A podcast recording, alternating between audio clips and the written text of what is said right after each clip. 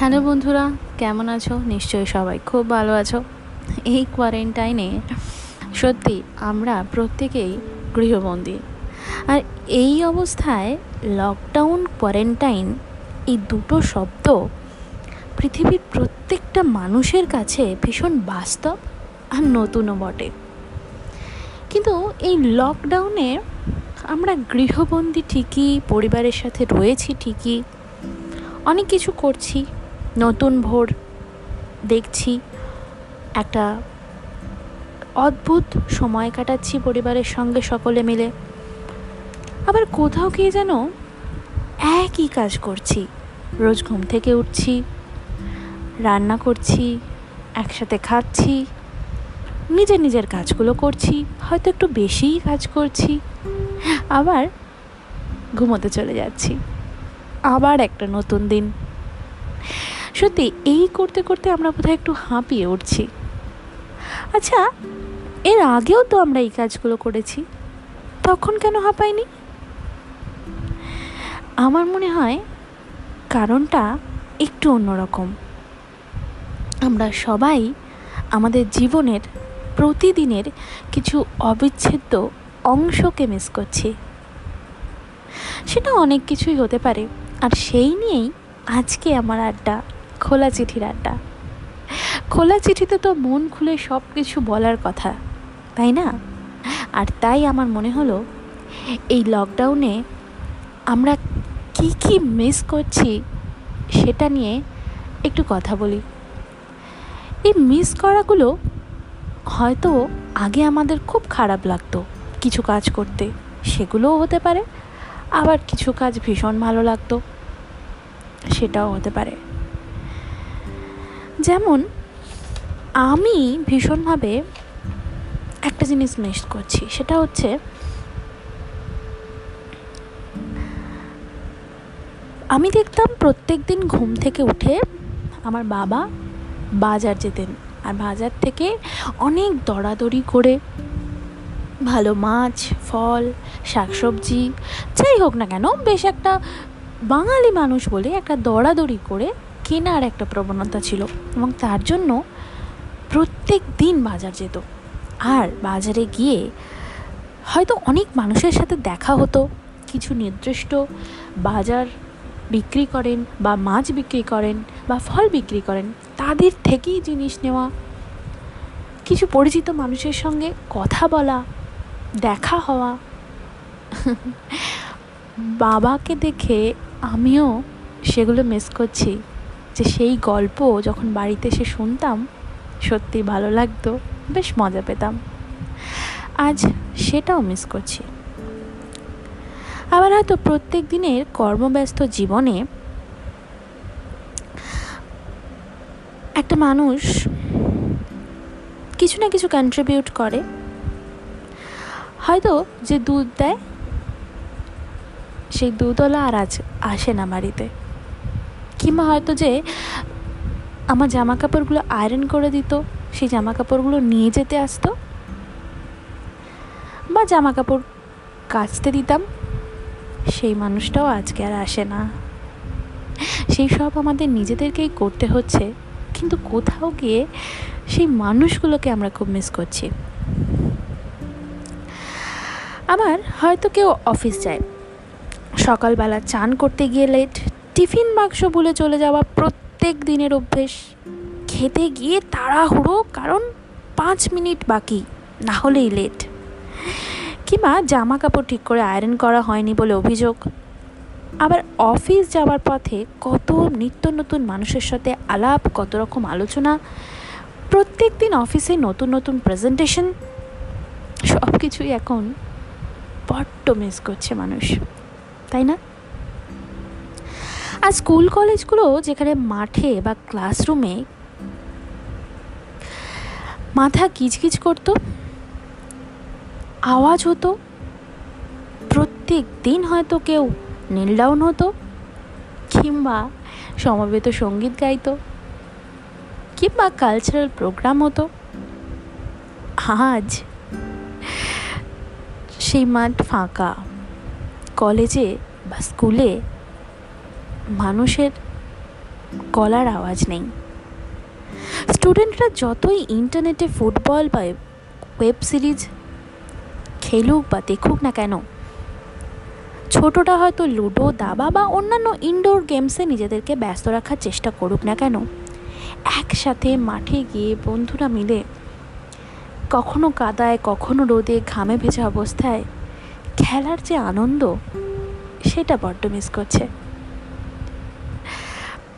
হয়তো বাড়ির হোম মেকাররা ভাবছেন কিছুই মিস করছেন না। কি আর মিস করবেন? বাড়িতে সবাই আছে, প্রত্যেক দিন যা করতেন, তাই তো করছেন। কি আর মিস করছেন? বরঞ্চ যারা বাইরে থাকতেন, যেমন বাচ্চারা হয়তো স্কুলে যেত বা কলেজে যেত, কিংবা পরিবারের সকলে হয়তো অফিস বা তারা নিজ কাজে যেত, সেগুলো তো কিছুই নেই। সবাই তো একসাথে ভালোই আছে। কিন্তু আমার তা মনে হয় না। আমার মনে হয় যারা হোম মেকার বা যারা বাড়িতে থাকেন, তারা বাকি সবাই যখন বাড়ি থেকে অফিস বা কলেজ স্কুল কলেজ নিজ নিজ কাজ সেসব জায়গায় ব্যস্ত চলে যায়, সেই একলা দুপুরে নিজেকে কোথাও হয়তো খুঁজে পেত। হয়তো গান শুনে, টিভি দেখে, বই পড়ে, নতুন রেসিপি এক্সপেরিমেন্ট করে বা ফেভারিট কিছু কাজ করে, হয়তো বা মেকআপ টিউটোরিয়াল করে। সে নিজেকে যে খুঁজে পাওয়াটা, সেটা বোধহয় মিস করছে। প্রতিদিনের স্কুল কলেজের পর হয়তো থাকতো একটা টিউশন প্রিয় স্যার বা ম্যাডামের সাথে অনেকটা পড়াশোনা আর কিছুটা গসিপ আবার প্রিয় বন্ধু বা বান্ধবীর হাত ধরে বাড়ি ফেরা। রাস্তায় দাঁড়িয়ে কে কোন নোটসটা মিস করল আজ, সেটা নিয়ে কথা বলা। আবার হয়তো অনেকের প্রথম ভালো লাগার অনুভূতি সেখান থেকেই শুরু। আর তাই জন্য কোচিং ক্লাসটা বা সেখানকার পড়াশোনা যতই বোরিং লাগুক না কেন কোচিং ক্লাস কিন্তু একদিনও মিস করা যেত না। আজ সেই কোচিং ক্লাসটাও ফাঁকা। আর সেই স্টুডেন্টরা বড্ড মিস করছে কোচিং ক্লাসগুলোকে হয়তো টিচাররাও এখন আবার সবাই ভীষণ হেলথ অ্যান্ড বিউটি কনসিয়াস তাই নিয়মিত জিম আর সকালে মর্নিং ওয়াক সাথে গ্রিন টি কিছুক্ষণ সুইমিং পুলে নিজেকে ব্যস্ত রাখা, এর মধ্যে একটা ফিট রাখার চেষ্টা করেন অনেকেই। আবার কেউ ভালোবেসে কেউ বা বাধ্য হয়ে করেন। কিন্তু আজ তো সেসব কিছুই নেই। আজ তো আমরা বাড়িতে গৃহবন্দী। তাই যদি বাধ্য হয়েও এতদিন জিমটা যেত, সেটাও বোধ হয় আজকে বড্ড মিস করছে। আবার প্রত্যেকটা মাসে, বিশেষ করে pedicure manicure eyebrow hair spa কিংবা trimming specially straightening French manicure এসব এখন ভীষণ ইউনিক কনসেপ্ট। আসলে সেলফ প্যাম্পার্ড হতে কে না চায়? তাই নিয়মিত এই চর্চার মাধ্যমে নিজেকে একটু ঝকঝকেও রাখার একটা প্রচেষ্টা আর কি। কিন্তু এখন বাড়ির হোম রেমেডিটাই একমাত্র অপশনস। আর এই পার্লারগুলোও তো এখন আমাদেরকে মিস করছে। সত্যিই করছে। এখন সেখানে ব্রাইডাল ওয়ার্ক নেই, সেখানে এখন মডেলরা আসে না, সেখানে এখন অভিনেতা, অভিনেত্রীরাও আসে না। নিজেদেরকে সেলফ প্যাম্পার্ড করতে এখন কেউই যায় না সেখানে। হয়তো বিউটি পার্লারের যিনি এই কাজগুলি করে দিতেন, তিনিও তার প্রিয় কাস্টমারদের মিস করছেন। বাড়িতে বসে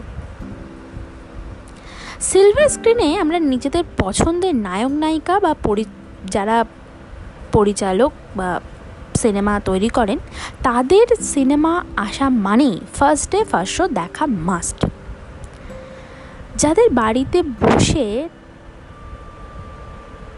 সিনেমা দেখার অভ্যেসটা একেবারেই ছিল না, হয়তো তারা ডাউনলোড করে কিছু মুভি দেখছেন। কিন্তু দুধের স্বাদ কি ঘোলে মেটানো যায়? সেই অত বড় সিলভার স্ক্রিনে ফার্স্ট ডে ফার্স্ট শো দেখার মজা ডাউনলোড মুভিতে বোধ হয় একেবারেই পাওয়া যাচ্ছে না। আর তাই সিনেমা হলগুলো সেখানে পপকর্নের গন্ধ আর সেই চেয়ারগুলো সত্যিই বোধহয় মিস করছি আমরা সবাই। আবার অনেক সময় একটা রিফ্রেশমেন্টের জন্য বা মন খারাপটাকে ভোলানোর জন্য আর কি মানে একটা রিসার্চে বলা হয়েছিল যে, জানা গিয়েছিল যে মানুষ শপিং করে। মন খারাপ হলেই নাকি shopping therapy is very very important and very very effective হয়তো আনন্দ অনুষ্ঠান আছে বা বিয়েবাড়ি আছে বা পুজো, এসবে তো মানুষ শপিং করতোই। আর তার জন্যই শপিং মল লোকাল মার্কেট আর অনলাইন শপিং তো রয়েছে সেগুলো মানুষকে ভীষণভাবে হেল্প করতো। মানুষ ভীষণভাবে শপহলিক হয়ে গেছিল। কিন্তু হঠাৎ করে ফুটপাতের দোকান কিংবা সেই শপিং মলে ট্রায়াল রুমে গিয়ে ট্রায়াল করা, হয়তো সাইজে ফিট না হওয়া, আরও একটা দোকান ঘোরা, কিংবা ভুল সাইজ ডেলিভারি হওয়ার জন্য অনলাইন সাইটে মেল করা বা রিটার্ন করা। এই সবই এখন সত্যি অতীত। আর এগুলো মানুষ বড্ড মিস করছে। শপহলিক বা নন শপহলিক শপিং তো কম বেশি সবাই করে। তাই শপিং মলগুলোও যেন একেবারে ফাঁকা, একেবারে স্তব্ধ। সারা সপ্তাহের কাজের শেষে যারা একটু নিরিবিলি পছন্দ করতেন মানে নিজেদের মতো করে একটা কোয়ালিটি টাইম স্পেন্ড করা আর কি, তারা অনেক সময় প্রেফার করতেন একটা মাল্টি ক্রিজন রেস্টুরেন্ট বা চাইনিজ কোনো রেস্টুরেন্টে গিয়ে হয়তো তার স্পেশাল ডেটা বা হয়তো তাদের নর্মাল উইকেন্ডটা সুন্দরভাবে স্পেন্ড করা বা কোনো রিসর্টে গিয়ে হয়তো দুটো দিন কাটানো। সেখানকার বিভিন্ন রকম এক্সপেরিমেন্টাল ফুড ট্রাই করা। সেগুলো করে অনেকে নিজেদের লাইফটাকে একটু ইজি করে তুলতেন। একটু ভালো লাগা হতো। সেই সবও কিন্তু এখন ভীষণভাবেই মিস করছেন অনেকেই। হয়তো হতে পারে পকেট মানি জমিয়ে বন্ধুদের সাথে জন্মদিনের ট্রিট দিতে হবে। যে কোনো একটা ছোট্ট রেস্তোরাঁ বা স্ট্রিট ফুড বা ডমিনোজ, পিৎজা বা কিছু না হোক, ফুচকা, মোমো, সেগুলো দিয়েই ট্রিটটা কমপ্লিট। এখন সেই ফুচকাওয়ালাগুলো বড্ড একা। ভাবছেন কবে আবার পশার জমবে? কিংবা পাড়ার দিয়ে এখন সেই আইসক্রিমওয়ালারাও আর আইসক্রিমের গাড়ি নিয়ে যান না। তাই সেগুলোকেও বোধহয় আমরা বড্ড মিস করছি। প্রতিদিন লোকাল ট্রেন, বাস, অটো শহরের অলিগলি কিচকিচ করে। কত আওয়াজ, কত মানুষের কণ্ঠস্বর, কোলাহল। আগে যাওয়া, আগে আসা, টিকিটের ভিড়, সেই সবই আজ একেবারে চুপচাপ। আর গরমকাল মানেই হতো সামার ভ্যাকেশন শীতকাল মানে উইন্টার ভ্যাকেশন দুর্গাপুজোর একটা লং হলিডেজ বা উইকেন্ড ট্রিপ কাছে পিঠে কোথাও যাওয়া বা সেগুলোর জন্য থাকতো প্রি প্ল্যান শপিং টিকিট কাটা হোটেল বুকিং এগুলো তো আমরা মিস করছি। কিন্তু হয়তো কাঞ্চনজঙ্ঘার সেই অপূর্ব পাহাড় কিংবা গোয়ার সি বিচ আবার কখনো বা ব্যাংককের শপিং স্ট্রিট কিংবা সাহারা মরুভূমি। এই সব জায়গার রাস্তাগুলো বা জায়গাগুলো হয়তো মানুষের আনাগোনাকে বড্ড মিস করছে। যারা প্রতিদিন আমাদের বিনোদন দেন সব কিছু ভুলে গিয়ে, যেমন ক্রিকেটাররা বা অভিনেতা অভিনেত্রীরা, একের পর এক ছক্কা কিংবা দুর্দান্ত অভিনয় দিয়ে টিভির পর্দায় আটকে রেখে দেন। তারা যেমন শুটিং ফ্লোরকে মিস করছে, আমরা বোধহয় তাদের এন্টারটেন করাটাকে মিস করছি। আচ্ছা নিজেকে যখন একটু স্বাধীন বলে মনে হয় তখন হঠাৎ করে কিছু না বলে কোথাও একলা বেরিয়ে যেতে বা ঘুরে আসতে ভালো লাগে। আবার কখনো হয়তো কোনো বন্ধুর জন্মদিন, তাই হঠাৎ করে কিছু না বলে তার বাড়ি চলে যাওয়া। হয়তো চাকরির স্থান আলাদা জায়গায় বাবা মার সাথে থাকতে পারে না। মায়ের হাতের রান্নাটা খুব মিস করছে। ঠিক তখনই টিকিট কেটে সোজা বাড়ি চলে যাওয়া আর গিয়ে মায়ের হাতের রান্না। আবার হয়তো বিদেশে থাকা সন্তান অনেক দিন বাবা মাকে দেখেনি। আগে হয়তো সুযোগ পেলেই একটা টিকিট কেটে ঠিক ম্যানেজ করে ব্যাপারটা সেটেল হয়ে যেত। কাছাকাছি চলে আসা যেত। কিন্তু এখন সেটা উপায় নেই। ভিডিও কলিংয়েই আটকে আছে সব কিছু বড্ড মিস করছি আমরা এগুলো সব, তাই না? আবার বিয়ে বাড়ি, কিংবা অন্নপ্রাশন, কিংবা ম্যারেজ অ্যানিভার্সারি বা জন্মদিন, যাই হোক না কেন, একটা দারুণ সেলিব্রেশন গেট টুগেদার খাওয়া দাওয়া হই হুল্লোড় আনন্দ, মজা, এই সবই তো এখন বড্ড ভাটা পড়ে গেছে। সাথে সাজগোজটাও। হয়তো নাইট ক্লাব থেকে বন্ধুদের সাথে চুটি আড্ডা মারার মজা করে আসার পর বাড়ি ফিরতে ভীষণ লেট হয়ে যাচ্ছে, মায়ের ভীষণ বকুনি খাব। তার জন্য চটপট একটা ক্যাব বুক করলাম। আর ক্যাব সঙ্গে সঙ্গে ক্যান্সেল যেতে চাইছে না। সেই নিয়ে ক্যাবওয়ালার সাথে প্রচণ্ড একটা বচসা। আর তারপর অনেক কষ্টে ট্যাক্সি ধরে বাড়ি ফেরা এইসবও এখন ভীষণ মিস করছে সবাই। যারা পড়তে ভালোবাসেন, এখন লাইব্রেরিগুলো তে গিয়ে আর লাইন দিয়ে বই নেওয়া যাচ্ছে না। তাই লাইব্রেরিগুলোর বইগুলো যেন বড্ড একা হয়ে গেছে। তাদের প্রত্যেকটা লাইন পড়ার জন্য আজ কেউ অপেক্ষা করে নেই। অফিসে একটা লম্বা মিটিংয়ের পর যখন খুব বোর লাগতো, মনে হতো একটু রিফ্রেশমেন্ট দরকার, একটা ছোট ব্রেক তখন সবাই মিলে পাশে তৈরি হওয়া নতুন ক্যাফেতে গিয়ে এক চমক চা বা কফি সাথে একটা স্যান্ডউইচ ব্যাস, এক নিমেষে একটা রিফ্রেশমেন্ট কিন্তু এখন তো আর বাড়িতেই সোশ্যাল ডিস্টেন্সিং বজায় রেখে ডালগোনা কফিকে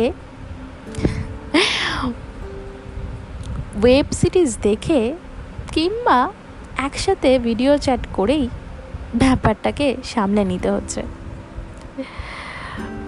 যাই হোক এইসব করেও অনেক বৃদ্ধ বৃদ্ধারাও বা ছোট ছোট বাচ্চারা কিন্তু ভীষণ কষ্ট পাচ্ছে। কারণ হয়তো বিকালবেলা একটা ছোট্ট সময়, যে সময়টা তারা তাদের দাদু দিদিমার সাথে পার্কে যেত। দাদু দিদিমারাও তাদের সমবয়সীদের সাথে বেশ কিছুক্ষণ কাটাতে পারতেন আর নাতি নাতনিদেরও একটা আনন্দ হতো। তারা সবাই আজ গৃহবন্দী। এখন আর মন্দির বা চার্চে লাইন দিতে হয় না। হয়তো ভগবানও আমাদের সবাইকে ভীষণ, ভীষণভাবে মিস করছেন। আমার প্রিয় মানুষ হয়তো কর্মরত বাইরে থাকে। আবার হয়তো একই শহরেও হয়তো কিছুটা দূরত্বে থাকে। হাতে হাত নেই, চোখে চোখও নেই। নেই উইকেন্ডের ডেটিং নেই হয়তো ক্যান্ডেল লাইট ডিনার আগে দূরে থাকা যে কোনো একটা রিলেশনকে আমরা বলতাম লং ডিস্টেন্স রিলেশনশিপ এখন সোশ্যাল ডিস্টেন্সিংটা এতটাই কবলে পড়েছে সবাই যে প্রেমিক প্রেমিকারা ভিডিও কলিংয়ে দেখতে পেলেও স্পর্শ, অনুভব, অনুভূতি কিছুই করতে পারছে না। বড্ড মিস করছে। হয়তো একসাথে কফি হাউসের আড্ডাটাও আজ আর নেই বা একসাথে ভিক্টোরিয়া মেমোরিয়ালে বৃষ্টিতে ভেজা একটা সন্দেহ নেই। তাই সত্যি আমরা সবাই অনেক কিছু মিস করছি। হয়তো বলে শেষ করতে পারব না কী কী মিস করছি। আবার হয়তো এই মিস করাগুলো আমাদের অভ্যেসে পরিণত হয়ে যাচ্ছে। সেটা হয়তো কিছু কিছু ক্ষেত্রে ভালো, আবার কিছু কিছু ক্ষেত্রে হয়তো খুব খারাপ। এই সব কিছু নিয়ে চলতে হবে। যা পরিস্থিতি তাতে মানিয়ে নিতে হবে। আর মনে রাখতে হবে কী কী মিস করেছি। যাতে সেগুলো সুদে আসলে আদায় করতে পারি। ভালো লাগাতে পারি নতুন করে। ভালো থাকুন, সুস্থ থাকুন, বাড়িতে থাকুন। আমরা সবাই এত কিছু যখন মিস করে এতদিন কাটিয়ে দিলাম, আশা করি আগামী দিনগুলোও কাটিয়ে দিতে পারব। এই আশা নিয়ে আজকে এখানেই শেষ করছি। আমি আজকে যে কথাগুলো বললাম, সেগুলো আমার একার অনুভূতি নয়।